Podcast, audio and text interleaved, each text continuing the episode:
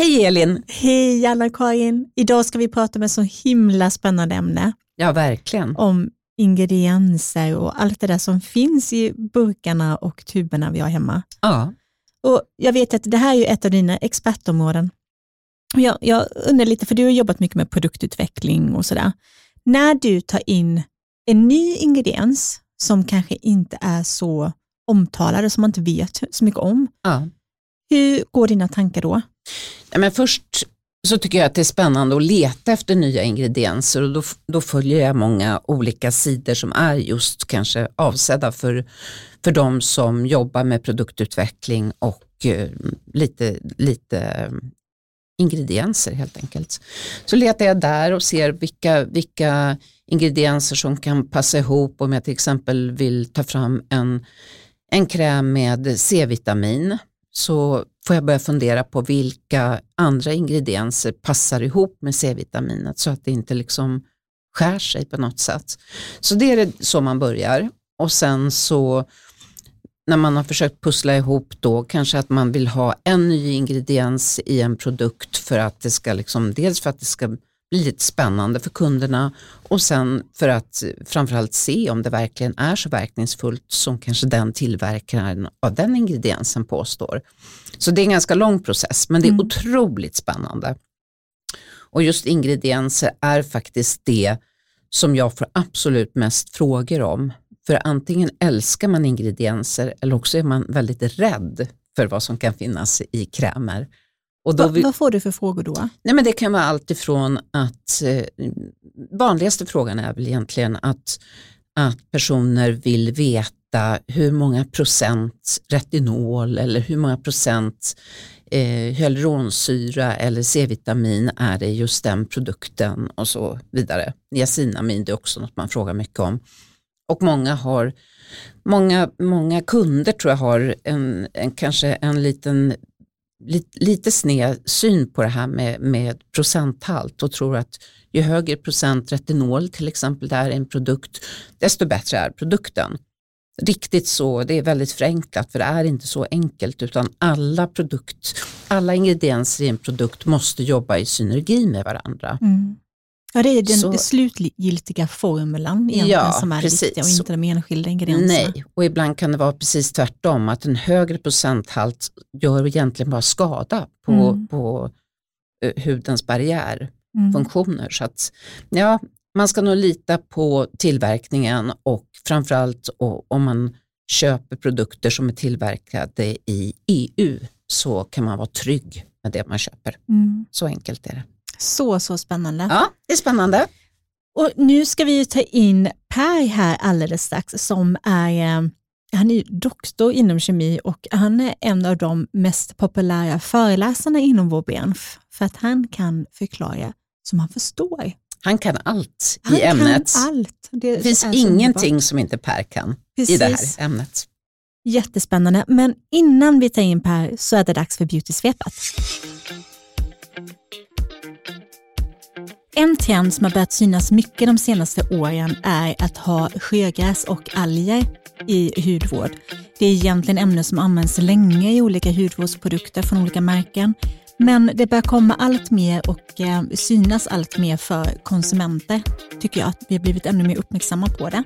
Det som jag också tycker är roligt är att det har kommit in mycket mer svenska alger som skördas på västkusten och används i flera olika produkter. Det finns olika alger som har olika egenskaper kan man säga, bland annat grönalger som innehåller en hög andel av mineraler. Vi har blåalger som är återfuktande bland annat. Rödalger som kan verka lindrande och lugnande för huden och även brunalg. Vi kan också se de här i flera olika svenska produkter. Jag vet att Reserol bland annat använder algbaserad prebiotika i några av sina produkter. LA-bruket är några av dem som baserar mycket av sina produkter på alger. Även Saga of Idun och MPK som har bland annat nya masker med svenska alger i.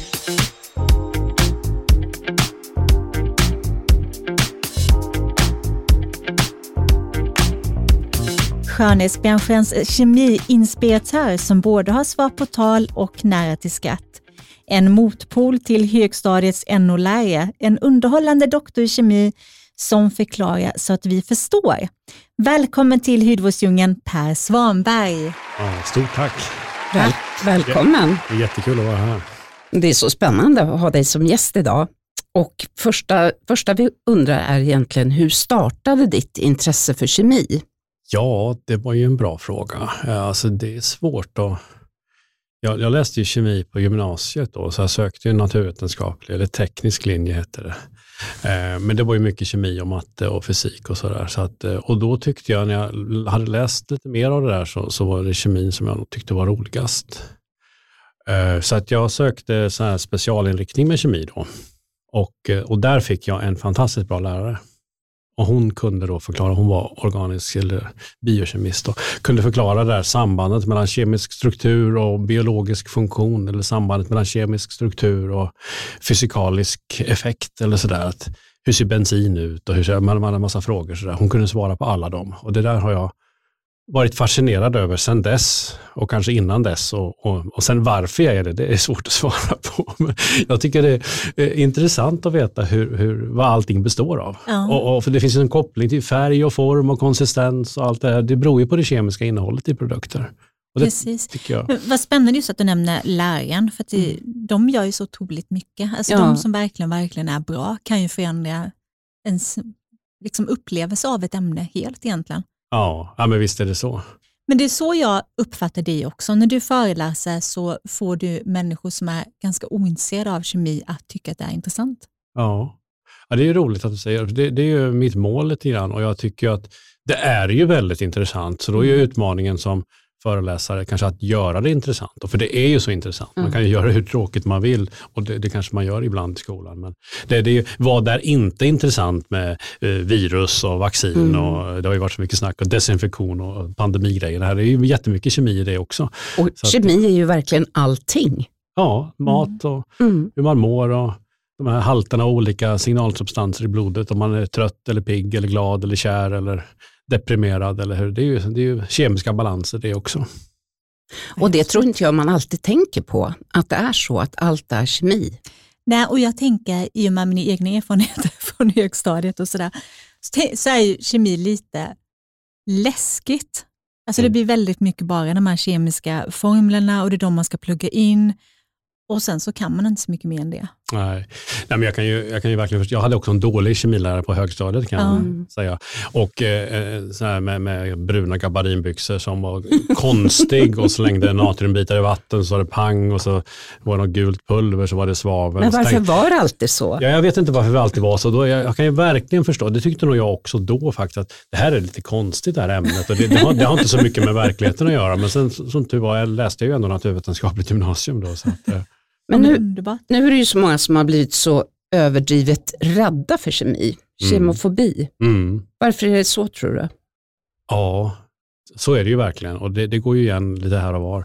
Jag, jag, alltså jag vet inte, kan det vara okunskap då? Man vill gärna tro det. Många tycker inte det är så kul med naturvetenskap och mm. då blir naturvetenskap väldigt eh, konstigt. De här alla de här konstiga inkenamnen till exempel, fenoxietanol, vad är det? Mm. det? det? låter konstigt, jag vill inte veta av det, men då vet man inte om att gräset är grönt, och, eller det vet man, men man vet inte att det beror på grönt färgämne och att det har ett kemiskt namn också. Så jag tror att delvis att det beror på okunskap, absolut, och sen att det, att det också, det finns ju en medielogik i det där också, det är tacksamt att skrämmas med det okända och det mm. dramatiska. Och jag läste en artikel bara i morse om hälften av päronen innehåller bekämpningsmedelsrester. Ja, ja. men eh, förmodligen under gränsvärdet. Då, så att det, är, ja. det, det, är ingen hälsofara att äta päron. Och det beror på att man använder växtskyddsmedel för att bespruta päron, för att de inte ska mögla eller sådär. Så mm. det, det, är ju inget, det är ingen nyhet egentligen, men det är väl, den där typen av kemofobi, anspelande nyheter, de ser vi ju hela tiden egentligen. Mm. Ja, verkligen.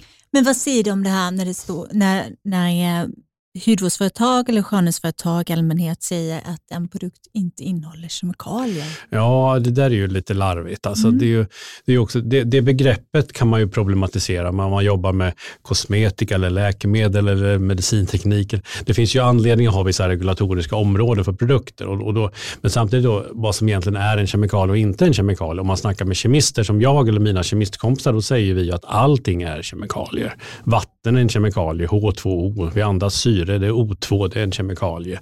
och Så, där. så att många, som, många kemofober eller som tycker illa om det eller som blir skrämda av det, de, de vill ju gärna tro att man kan leva kemikaliefritt. Mm. Och sen definierar de kemikalier som någonting som de inte gillar, enkelt mm. uttryckt. Mm. Men, men det, det, där går ju inte. Allt, allting består av kemikalier.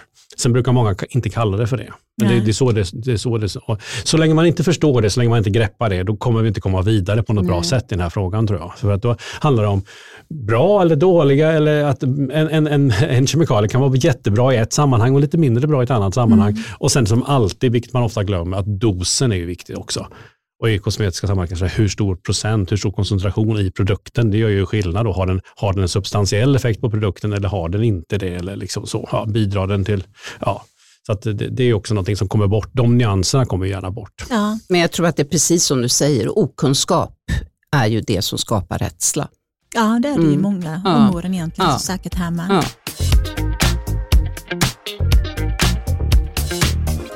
Det är mycket skrämselpropaganda som florerar när det gäller inkin på hudvård. Mm. Att, att, eh, och vad säger du om det? Det har vi ju pratat lite grann om nu, men, men, men behöver man vara Behöver man vara rädd för en hudvårdsprodukt som är tillverkad och godkänd i EU? Nej, det snabba svaret är verkligen nej där, för det finns mm. ju en, en, en fin och bra och detaljerad och, och, och, bra lagstiftning på det kosmetiska området som det gör på nästan alla andra områden också inom EU. Vi har ju en hög skyddsnivå för den europeiska befolkningen rent generellt och det är ju bra. Mm. Så att alla kosmetiska produkter innan de släpps på marknaden ska ju vara säkerhetsbedömda eh, och det innebär ju att produkten ska vara säker. Så att det, det, det är ju, eh, så är det ju. Och sen det här med inkelistan, det är också väldigt speciellt. Det, det, har jag med i nästan alla mina föreläsningar. Att det är ju liksom den enda produkttyp i hela världen som det är lag på att alla ingredienser ska ut på konsumentförpackningen. Och det gör ju att det blir mycket snack om de här, de som läser, det är tacksamt att läsa de här 28 eller 40 namnen och sen tycka de är alla konstiga allihopa och varför ska det vara det här i? Liksom så. Det, det, de diskussionerna förekommer ju i sociala medier ganska mycket. Mm. Det står ju inte på jordgubbar eller apelsiner eller sådär vad, vad de innehåller, Nej. men det skulle ju vara en hundra olika ingredienser i dem också, med, kon, med konstiga namn. Ja, jag kommer ihåg den här bilden som du har visat på en del föreläsningar om en, eh, om en lång inkellista som ser ganska läskig ut, för det är massa grejer jag inte förstår. Och sen så visar du att det är ingredienserna i en passionsfrukt. Tror jag. Mm, mm. Ja. Eller jordgubbe eller banan. Ja, det finns flera varianter. Absolut, ja, men så är det ju. Och det, det, där, det, där, det, det är ju en, kemi, en australiensisk kemilärare som heter James Stewart som har gjort de där bilderna mm. och man får använda dem. Det är därför jag använder dem. Jag, tycker jag, jag delar hans uppfattning att han tycker också att världen måste veta hur världen ser ut. Liksom. Så att det är ju eh, passionsfrukt eller jordgubbe eller kiwi innehåller ju hundra olika då, råvaror eller ämnen eller kemikalier eller whatever, men de heter ju då linalol och geraniol och 4-metoxia och så vidare. Mm. Så, de, de heter ju kemiska. Det är ju kemistens sätt att namnge, liksom, så att det är ju inget konstigt i sig. Det betyder inte att det bara är farligt eller jättebra eller hälsosamt eller allergiframkallande eller doftar gott eller inte. Det är bara namnet på ämnet så att ja. säga. Mm. Men vad säger du om det här att vilken betydelse har det för en, produkts, en hudvårdsprodukts verkningseffekt om det är en kort eller lång inkellista? Ja, I sig egentligen ingenting. Alltså det är klart att man måste ju kanske ha ett visst antal ingredienser om man ska ha en hyfsat bra produkt. Eh, jag, brukar, jag brukar ofta prata om klövervaselin. Eh, det, är ju, det är ju en rolig produkt på så vis att det, är alltså, det, det, det, det innehåller bara en ingrediens, mm. parafinum liquidum. Det är ren paraffin då och då vet man hur det känns och, så, och, det, och då, då blir den konsistensen. Och det, är ju, mm. det är ju bra till mycket säkert då, men om man vill ha någon annan konsistens eller andra egenskaper då måste man ju då blanda upp den med andra, med andra ingredienser förstås. Så ska man göra en vanlig kräm så måste man väl ha i runda slängar 20 ingredienser. Det är väl ganska sådär. För att, Absolut. det är lite vatten, lite olja och lite emulgatorer och sen mm. lite egenskaper och sådär. Som, mm. som, och kanske lite pH-justering och lite parfym kanske eller lite färg eller vad, vad, vad, det nu är för produkt. Så att, mm. det blir ju gärna, och det där är ju omdiskuterat. Ibland har man ju sett att man vill ha en kort dinkelista är bättre än en lång och så. Det, det tycker inte jag absolut. Det kan man verkligen inte säga per se så, utan det är, det, beror, det är från fall till fall. Och man kan ju också tänka tvärtom, att en kort ingredienslista, då är det hög koncentration av alla de ingående ingredienserna. Så, så det kan ju till och med vara då ja, eh, mera, eh, jag vill inte säga att det är riskabelt överhuvudtaget, men, men det, det, det där är en skröna, skulle säga, att en kort inkellista är bättre än en lång. Mm. Det tycker jag var bra, att du eh, klargjorde det. Däremot när man som ja. säkerhetsbedömare... Ja. För det där får man väldigt mycket frågor om. Ja. Du som jobbar med produktutveckling ja, också, jag får jättemycket hur, hur tänker du om, kring inkellistan? Nej, men jag tänker inte att, att den ska vara kort eller lång, utan jag tänker vilka ämnen, aktiva ämnen jag vill att produkten ska bestå av. Mm eller innehålla och att den, att den innehåller ämnen som jobbar i synergi med varandra mm. och inte liksom bråkar med varandra. Utan, och inte om den ska vara kort eller lång, absolut inte. Ja, det låter väldigt klokt tycker jag. Eh, jag upplever ju att jag ännu får väldigt mycket frågor om konserveringsämnen och konserveringsmedel. Mm. Kan inte du klargöra lite om det? Jo, det kan jag göra. Konservering är ju jätteviktigt. Det är ju verkligen så här funktions, alltså det är inte funktion för produkten, men det är funktion för att produkten inte ska bli otjänlig. Det är ju, det är ju, konserveringsmedel är ju gifter. Mm. Det måste man ha klart för. Det är nummer ett och det är kanske skrämmande om man tänker så eller om man säger så. Eh, men jag tror man måste vänja sig vid det. Det är giftiga ämnen. De dödar bakterier och svamp. Och det är, de är ju biocider. De hör ju till den lagstiftningen, så använder vi dem i kosmetika för att man tillverkar en produkt, man, man fyller sina förpackningar med produkten, man skeppar den till lagret och sen ska konsumenten beställa den eller köpa den och sen ska konsumenten använda den. Och då tar det två, tre år. Så under den här tiden så måste ju då produkten bibehålla sina, sina, sina kvaliteter naturligtvis och inte bli otjänlig och spricka eller bli grumlig eller sådär. Så att, och för att åstadkomma det så måste man ju då säkerställa att mikroorganismnivån är på en låg nivå. Det gör man med konserveringsmedel. Mm. Att konserveringsmedel är jätte, jätteviktiga. Och anledningen till att man har konserveringsmedel är också att, att de flesta produkter är ju, de är ju vattenlösningar. Hade det inte varit vatten hade man inte behövt konservera. Torra produkter behöver man inte konservera eller sådana som är etanolburna eller rena oljor behöver man inte konservera. Men så fort det är vatten, och det är ju vatten som första ingrediens i de allra flesta produkter, mm. då måste man ha konserveringsmedel. Vad händer annars? Jag tänker om du smörjer in huden med en eh, kräm med om en svampspore, ja, bakterier och virus. Eh, ja, nej, men det, det, det, det, finns väl olika typer av eh, mögel och svampar och bakterier och så, olika potenta och sådär, det vet vi. Eh, så vidare. Covid-19-viruset, det var ett virus som, som drabbade oss ganska rejält. Det finns ju andra virus som är mildare så att säga. Så att det är svårt att säga generellt, men, men generellt kan man säga att, att ju mer, ju, om man lämnar mikroorganismer i fred, då förökar de sig. Och ju högre koncentration av dem, desto större risk för en oangenäm upplevelse, en hälsofarlig upplevelse och så vidare. Så mm. det, är ju, det, är ju en, det är så det blir och det är mm. därför man har konservering. Det är ju en, det är en säkerhetsaspekt. Att det är ju sånt man tittar på när man gör en säkerhetsbedömning, att produkten produkten är konserverad på ett bra sätt. Att man har gjort ett belastningstest då i, i produktutvecklandet. Vad, vad skulle kunna hända på huden om, om du applicerar en produkt som inte har konserveringsmedel? Ja, det skulle vara en ökad risk för hudirritation och, Akne och, hud, hud, hudbesvär. Och, ja. Men framförallt tror jag liksom med, med doft och med ja. liksom att det, det, det, ja, men alla har väl tittat ner i någon tacosåsburk som har möglat. Liksom. Yes. Det, det, det, är inte, man, funderar inte på, man funderar kanske inte på att applicera tacosås in the first place på huden, men om man skulle göra det så skulle man för än mindre göra det i en möglig tacosåsburk. Och det är väl likadant med hudkräm skulle jag säga. Men det är alltid tacosåsen som möglar i kylskåpet. Ja, ja det är det faktiskt. Den är, för, den, är, den, är för, den är för dåligt konserverad. Ja, mm. den är nog ja, det är den nog. Mm. Eller om det är barnen som slickar på tacosåsskeden och sen stoppar ner den på. Det blir hög belastning av mikroorganismer i tacosås.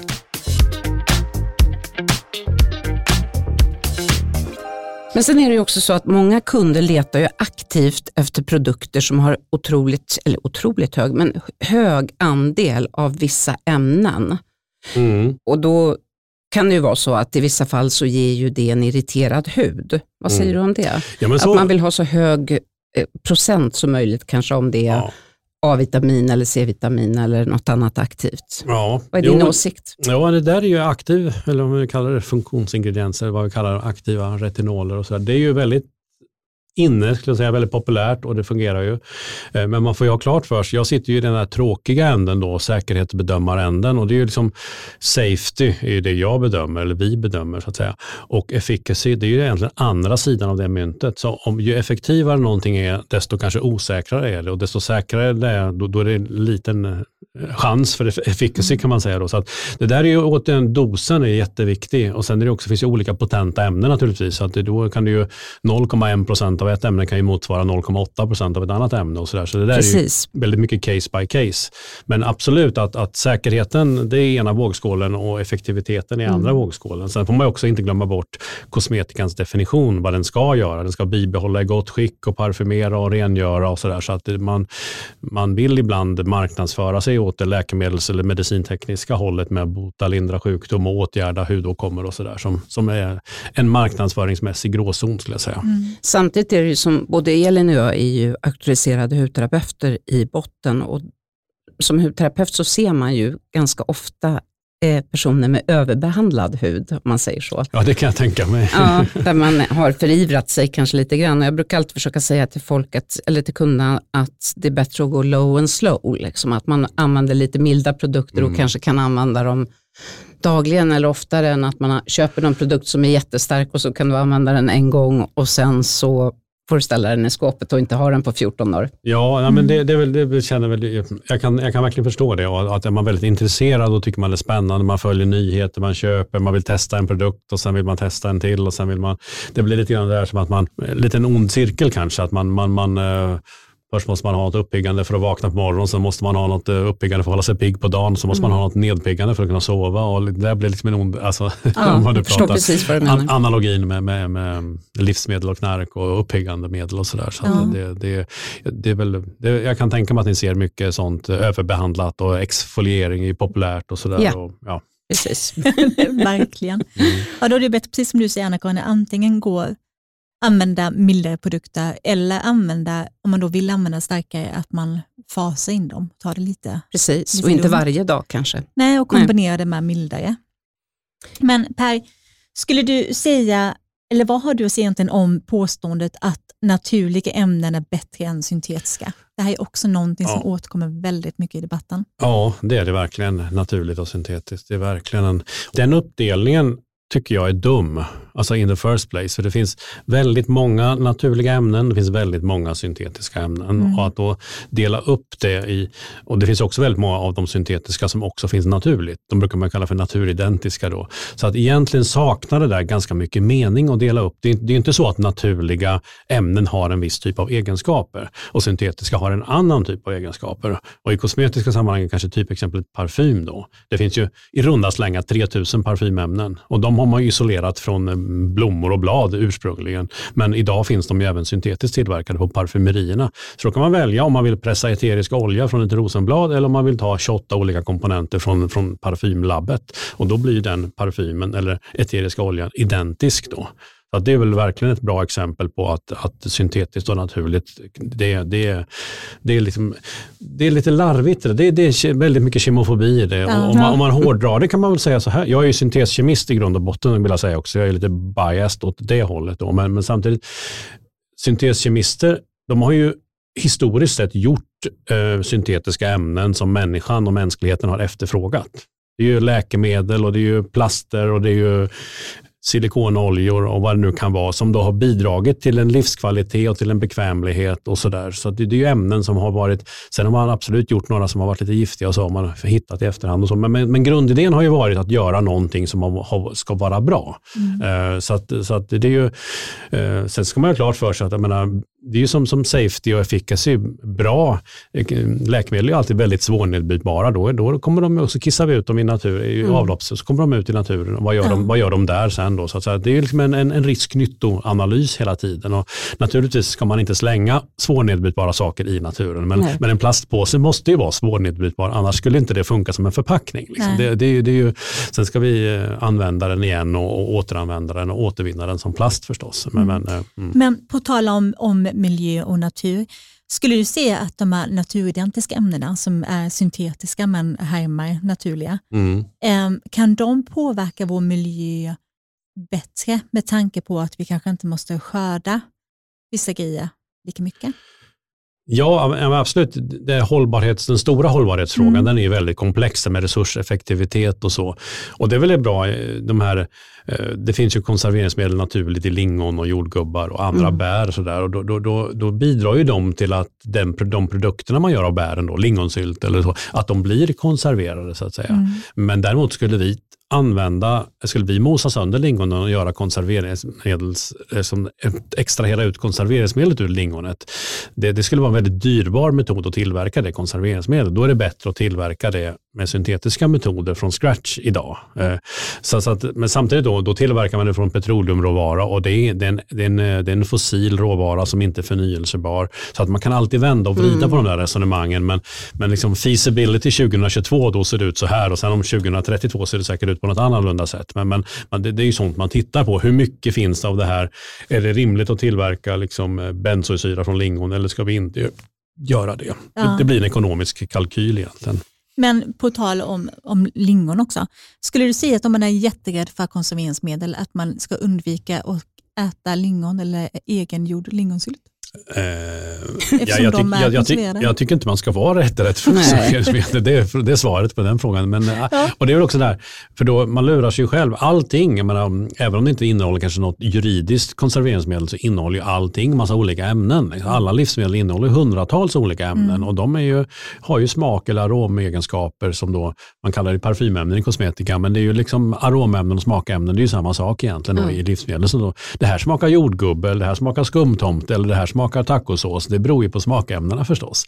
Och, och de kan ju allihopa ha allergiframkallande eller sådana egenskaper för vissa människor. Då. Men de flesta tycker bara att det är gott och härligt. Ja, men precis. Mm.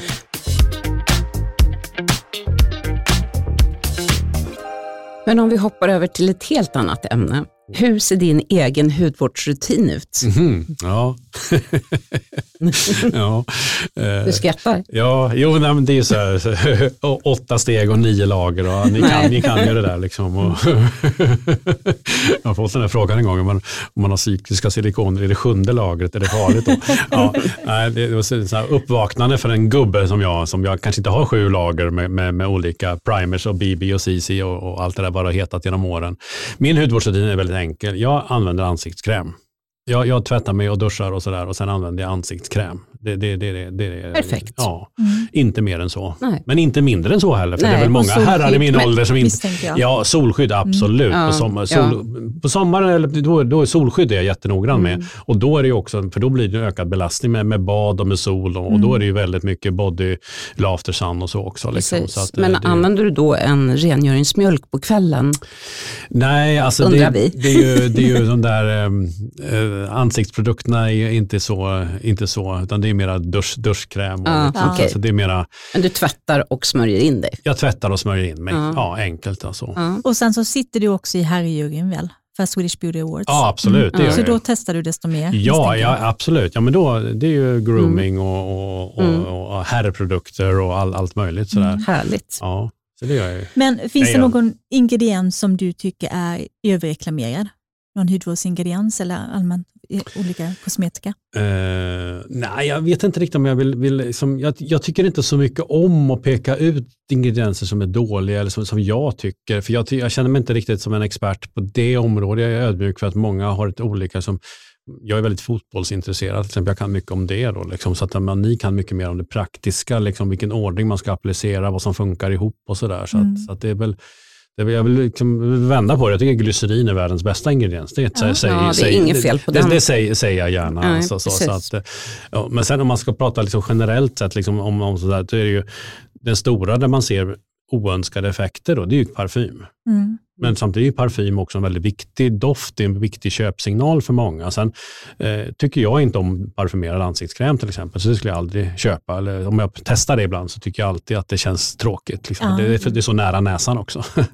eh, och det är ju, men, men, samtidigt för vissa är det jätteviktigt. Och, eh, så, så, så det är ju det är en, det är en smaksak naturligtvis, men det är, det är ett faktum så att det är parfym som ligger bakom de flesta hudirritationer och hudallergierna mm. från kosmetisk användning. Men idag säger man ju att det finns icke icke-allergena parfymer som man kan använda i hudvårdssegmentet. Absolut, man blir ju mycket, mycket bättre hela tiden ja. på saker och ting och formulera med, med, lägre halter av de ingående komponenterna som gör att man får mindre allergiproblem. Ja. Det, det, är ju ingen, det är ingen, det är inget brand som vill orsaka kon Nej. kontaktallergi. Det är ju jätte, då får man ju inte återköp heller, så det, det ger sig själv. Så det där går ju framåt väldigt mycket hela tiden. Det, det, det märker man verkligen.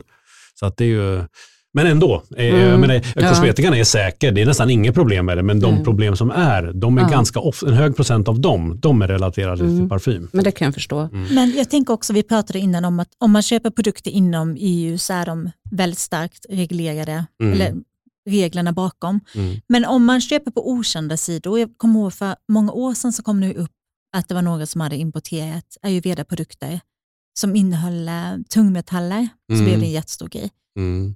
Är det några andra ämnen som kan finnas i produkter om man köper dem från okända ställen som liksom är vanliga?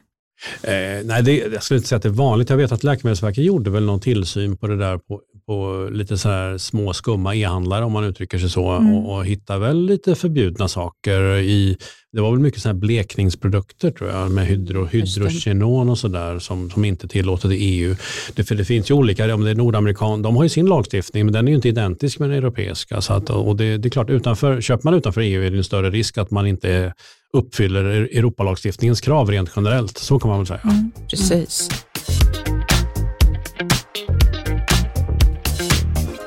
En annan sak som har kommit ganska mycket senaste tiden, det är ju begreppet skinfood som används mycket i marknadsföringssyfte. Mm.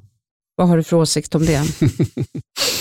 ja, eh, ja alltså man får ju paketera och marknadsföra som man vill, men just skinfood, jag tycker det, det är vilseledande. Jag tycker inte om det. Jag tycker, för det är ju det, är ju det här, och det är kanske en av de egentligen grundläggande, jag vet inte om det är en myt, men en grundläggande missförstånd som går igen väldigt mycket, som, som återkommer hela tiden. Och jag, jag hade en diskussion om det senast för någon dag sedan. Någon hade någon lansering och så pratar man om det här att det ska stimulera och det ska vara receptorer och allt det där.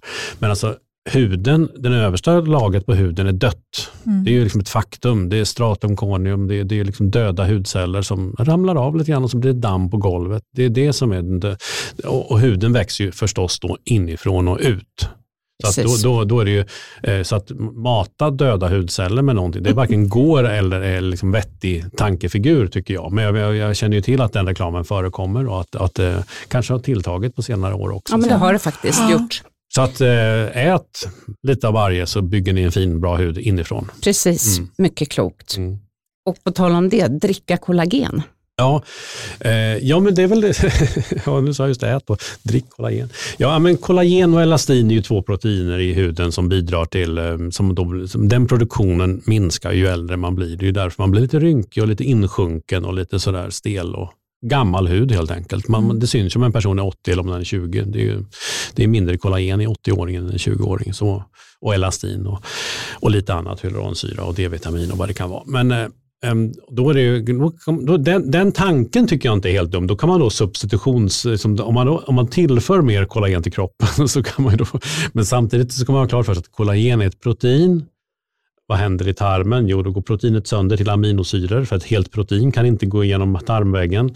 Eh, det finns enzymer som klyver det. Då. Det, det, har vi, det har vi jättebra, i människor. Och sen går aminosyrorna in och sen går de in och sen tillverkar våra kroppar nya proteiner av de här aminosyrorna. Och då är det inte långt ifrån säkert att det blir något mer kollagen av det. Så att, den, att, man skulle, att man skulle öka sin kollagenproduktion genom att äta kollagen, det tror jag inte alls är sant. Och det tror jag inte finns någon vetenskap belägg för heller. Nej. Nej, det... Däremot att man ska, man ska ju naturligtvis se till att man äter tillräckligt mycket protein ja. så, att man har, så att man ger sin kropp chansen att producera så Precis. mycket protein som sin kropp nu kan producera. Och det beror ju hur, hur gammal man är. Helt och öka lite med ålder också. Precis. Ja, men absolut. Att man äter, det. Och det är ju generellt, det är ju hemkunskap. Ät lite av varje, ha en balanserad kost, precis. både vitaminer och mineraler och kolhydrater, fetter, ja, proteiner precis. och vatten. Det är, ja. det, det är det man måste få i sig. Men om man stoppar ner kollagenet i hudvård, tycker du att det kan påverka? Eh, nej, det, kollagen är en stor molekyl som ja. sa, det är en protein då och, och huden är en väldigt stark barriär som inte, det släpper visst igenom, man kan svettas lite och visst kan lite grann gå in och nikotinplåster och allt det där. Men generellt sett så stänger huden ute det allra mesta och stänger inne det allra mesta. Så att, att, och det, är också, det är väldigt svårt för någonting att komma djupt ner i huden. Och eftersom kollagen är en väldigt stor molekyl så, är det ju, så kommer den inte alls långt, det kommer inte ner överhuvudtaget. Så att det, det, det går inte att tillföra kollagen till dermis topikalt, Mm. alltså Nej. via en hudkräm. Det, Mm. det går inte. När, när anti-age, det här fruktansvärda uttryck, uttrycket Ja. egentligen, kom, det var ju vad jag minns i alla fall på 80-talet när jag utbildade mig till hudterapeut och då var ju alla anti-age-krämer innehöll ju kollagen och elastin Mm. och såldes som smör. Mm. Då visste man inte att, att kollagen hade lite för stora molekyler för att ha någon nytta. Men, Nej, nej, men man ska... Eller visste man, men eh, struntade i det. ja, jag är tveksamt om man Ja. visste faktiskt. Ja, nej, men det är också, man, man ska inte heller underskatta Alltså placebon är ganska intressant tycker jag. Det, det är ju, marknadsföring handlar ju en del av det. Att Mm. man ska få, få kunder att tro på ens produkt. Och tror de på ens produkt så, så känns det ju bra. Vi är väldigt liksom, jag lyssnade på, på på Mischa Billing, ni vet hon Mm. mm. mästerkocksdomaren. Hon är väldigt duktig på smak och, doft och så har ju Mm. extrem näsa. Liksom. Så kun- hon kunde ju inte ha en ost öppnade när hon växte upp och så här. Liksom. Då, ja, det måste vara jobbigt att leva med. Men i alla fall, hon, hon berättade det ganska intressant tycker jag om, om att man, man upplever ju eh, smak väldigt olika beroende på situation. Liksom, Mm. Vilket sammanhang man är i liksom, och vilken musik man lyssnar på. Mm. Det är jättemånga faktorer som avgör, så det där ska man också vara lite ödmjuk för. Men det, men det finns ju inget vetenskapligt fog för det. Det är helt orimligt att kollagen eller elastin skulle kunna gå igenom huden. Ja, man trodde det då, men idag vet man kanske att, att det är bättre att använda då kanske en retinolprodukt som kanske stimulerar hudens egna kollagen. Ja. Ja. Och egna kollagenproduktion. Ja, Mm. precis. Och vi kan lägga till också att kollagen är det protein i huden som ger huden dess fasthet. Och elastin är det som ger den egentligen elasticitet, precis som Precis. namnet avslöjar. Det låter nästan likadant. Ja. Em, En annan fråga gäller UV-filter Mm. och eh, miljön och Mm. även om att, om att vissa ämnen i solkrämer kan vara skadliga för oss människor. Mm. Hur ligger det till? Ja, UV-filter är ju en väldigt speciell kategori av ingredienser. De, in, de, de ingår ju i solskyddsprodukter för att skydda mot solens strålar. Så att en, en solskyddskräm är ju en body lotion fast med ganska mycket UV-filter, hög, hög halt UV-filter. Och det har man ju för att, för att UV-strålningen är skadlig och har man smörjer man då in sig med, med UV-filter så minskar man dosen skadlig UV-strålning som huden utsätts för. Så det är ju vinsten. Det är en väldigt viktig och stor egenskap skulle jag säga. Eh, det är ju i andra länder, världsdelar, är ju inte det här kosmetik. Utan det, det är ju, så att det, är, ju- det är ju lite tekniskt det här nästan. Men, men det är, ju- det är ju så att de innehåller ju verkligen viktiga substanser. För att hudcancern ökar ju också väldigt mycket i våra nordiska länder. Eh, och det är ju delvis kanske en frukt av att vi blir äldre men också att livsstilsfaktorerna och att medvetenheten inte är så hög i Sverige än och att vi gillar solen väldigt mycket. Vi har ju många månader med mörker och kyla så att när solen kommer då slänger vi av oss kläderna och sådär. Så att det är ju, i Australien har man ju tak på lekplatserna, där har man ju varmt året om. Så där är man ju inte så, där är man ju väldigt, det är ingen som ligger och solar, så pressar som vi fortfarande gör. Och vi har ett ideal att brunt är snyggt, solbränt är snyggt eller solkysst är snyggt. Så att det här är ju en, en, en, viktig, en viktig produktgrupp naturligtvis. Och, eh, men, men också då att den har ju precis som läkemedel så har UV-filter en negativ effekt. De, de, de är generellt sett svårnedbrytbara i miljön. Så att de kan då leda till eller, eh, och det, det är ju som en negativ miljöaspekt. Då, så att, vilken, sen, vilken de facto miljöpåverkan det har, det, det, det har jag ingen koll på. Det vet jag inte om någon har egentligen. Men, men det är ju kemikalier, klassificeringsmässigt har de dåliga miljöegenskaper. Sen finns det ju diskussioner kring det med, med, med korallreven och sådär och att vissa UV-filter skulle vara väsentligt sämre än andra och sådär. Det tror jag liksom att man, man får nog tänka på. Alla de kemiska filtren är ganska lika rent kemiskt så att de har egentligen ganska liknande egenskaper både skyddsmässigt och, och eh, nedbrytbarhetsmässigt så att säga. Så att, och, och eh, jag tycker man får tänka på solskydd som läkemedel faktiskt i det här fallet. Att man får tänka på det att att man använder det en ganska kort stund på sommaren eh, vid vissa utsatta dagar när man ska bada och sola och sådär eller vara ute, vistas ute i solen. Och då tycker jag den skyddande effekten överskuggar by far den här mm, den negativa eventuella miljöpåverkan som du har. Då. Ja, sen tycker jag att det är bra som Strålskyddsmyndigheten säger också att, att det är ett komplement till kläder och till keps och allting sånt. Ja, absolut. Jo, men det, det det, är ju- är ju, det är ju med kläder och skuggan och, och, Ja. och solglasögon och man kan vara inomhus och allt det där. Men samtidigt, man, man är ju de facto ute ganska mycket. Ja. Man tycker att det är mysigt. Är man ju all, det. all den huden som man då visar för solen, Mm. den är bra. Om den, det är mycket bättre om den är insmord än inte insmord. Ja, det är det verkligen. Och jag tycker det är så beklämmande att det varje år, varje vår, ska stå i vissa dagstidningar, liksom, så farlig är din solkräm. Men det, Mm. Man säger ju inte heller, Jo. man säger ju inte att ja, men alltså hur farligt är det att vara i solen utan solkräm Ja. om du slår ut det på Ja. ett antal år. Ja. Det är farligt och, på och, riktigt. Och, och jag, jag svarar inte faktiskt på det, för du sa ju det, det, det finns ju studier som kommer varje år som Mm. då visar man gör det. Man smörjer sig så mäter man halterna i blodet. Och då ska man då ha klart för sig att, att, att de kemiska analysteknikerna är otroligt förfinade idag, så man kan mäta väldigt låga halter av saker och ting. Och visst, visst är det så att en viss promille eller procent eller tiondels procent eller något sånt av de här kan gå in i blodet och då kan man då mäta det. Men att det skulle ha någon negativ hälsopåverkan, det är inte samma sak. Så att det, det är ungefär Nej. samma som den här päronartikeln jag refererade till. Alltså att det, det finns visst bekämpningsmedelsrester, men det är otroligt lågt att det inte har någon negativ hälsopåverkan. Men det skriver man ju inte, för då blir det ingen nyhet. Nej, då blir det, det är ing- då blir det inga klipp. Mm. Nej, precis. Men hur tror du att branschen kommer att förändras de närmsta åren, närmsta tiden? Jag tror väl att miljöfrågan eller hållbarhetsfrågan eller vad man säger, den blir ju allt viktigare i allt flera människors medvetande och eh, märker ju, jobbar ju varje dag med det här så att det är ju, eh, jag tror att plast och förpackningsfrågan blir viktig faktiskt. Att det, eller det, det vet jag att den är för många. Alla jobbar mer eller mindre med att eh, hitta återvinning och, och göra smarta förpackningar eller åtminstone undvika att göra osmarta förpackningar så att säga. Så att återvinningsgraden ska ju öka med vad det nu är 3, 4, 500 procent i EU till 2030. Så där måste vi ju alla, och vill vi väl alla, vara med och delta också. Så det, det Ja, tror jag är jätte, jätte... Samtidigt ska jag säga också, jag sitter ju och testar parfym ibland också. Eh, alltså parfym, parfym. Och de är ju, den, den typen av förpackningar, de är ju kanske, det är kanske inte miljö man tänker på först då. Liksom. De är väldigt extravaganta och flera ytterförpackning och innerförpackning och väldigt... eh, Mycket, kartonage. Ja, mycket Ja, ja. Men om man bortser från det, det är ju en specialprodukt ändå, men, men här, kräm och rengöring och den här bulkkosmetikan, där, där tror jag man ser ju redan eh, mörka förpackningar är ju svårare att återvinna, de, de finns ju allt mindre och så vidare. Och så, så att, ja, mm. Men är det inte så att vissa ämnen kräver mörka förpackningar?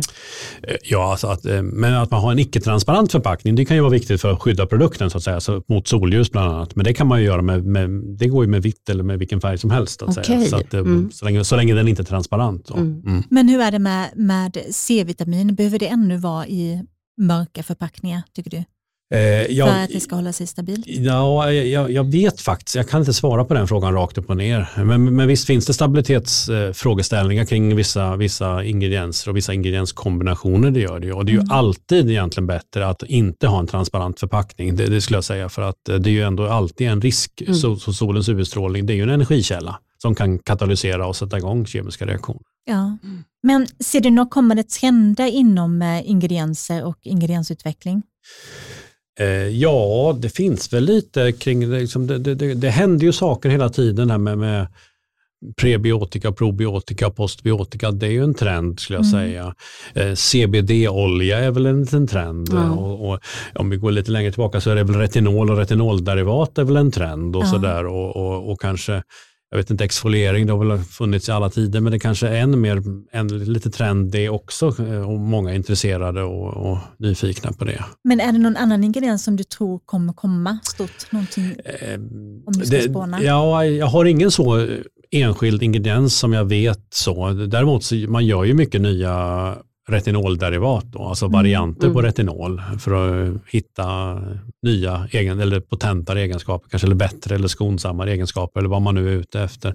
Men jag, jag har ingen sån ingrediens eller ingredienstyp. Men det stora, om man säger, det stora dragen är väl också att man går från petroleum till, till förnyelsebart om man säger så. Men det är ju, liksom, det är ju, det är ju inte en enskild ingrediens, utan det är ju Mm. ett sjok Grupp, av ingredienser. Liksom, så och, så det, det är väl också en, en över... Men vad tror du att vi kommer smörja in oss med i framtiden? Ja, det, det, det är nog det, det det finns tillgång till på. på liksom, så att jag tror att, att paraffinprodukterna tror jag kommer bli färre. Inte för att det är något ont i dem på något vis, men de, de, de har ju sin, sin grund i petroleum som en icke förnyelsebar råvara. Det tror jag det kommer bli mindre av i framtiden. Och mer av förnyelsebara vegetabiliska oljor. Det tror jag. Mm. Så spännande att se vad som händer. Ja, verkligen. Tack snälla, snälla Per. Tusen tack, Ja. så intressant. Väldigt. Ja, tack själva.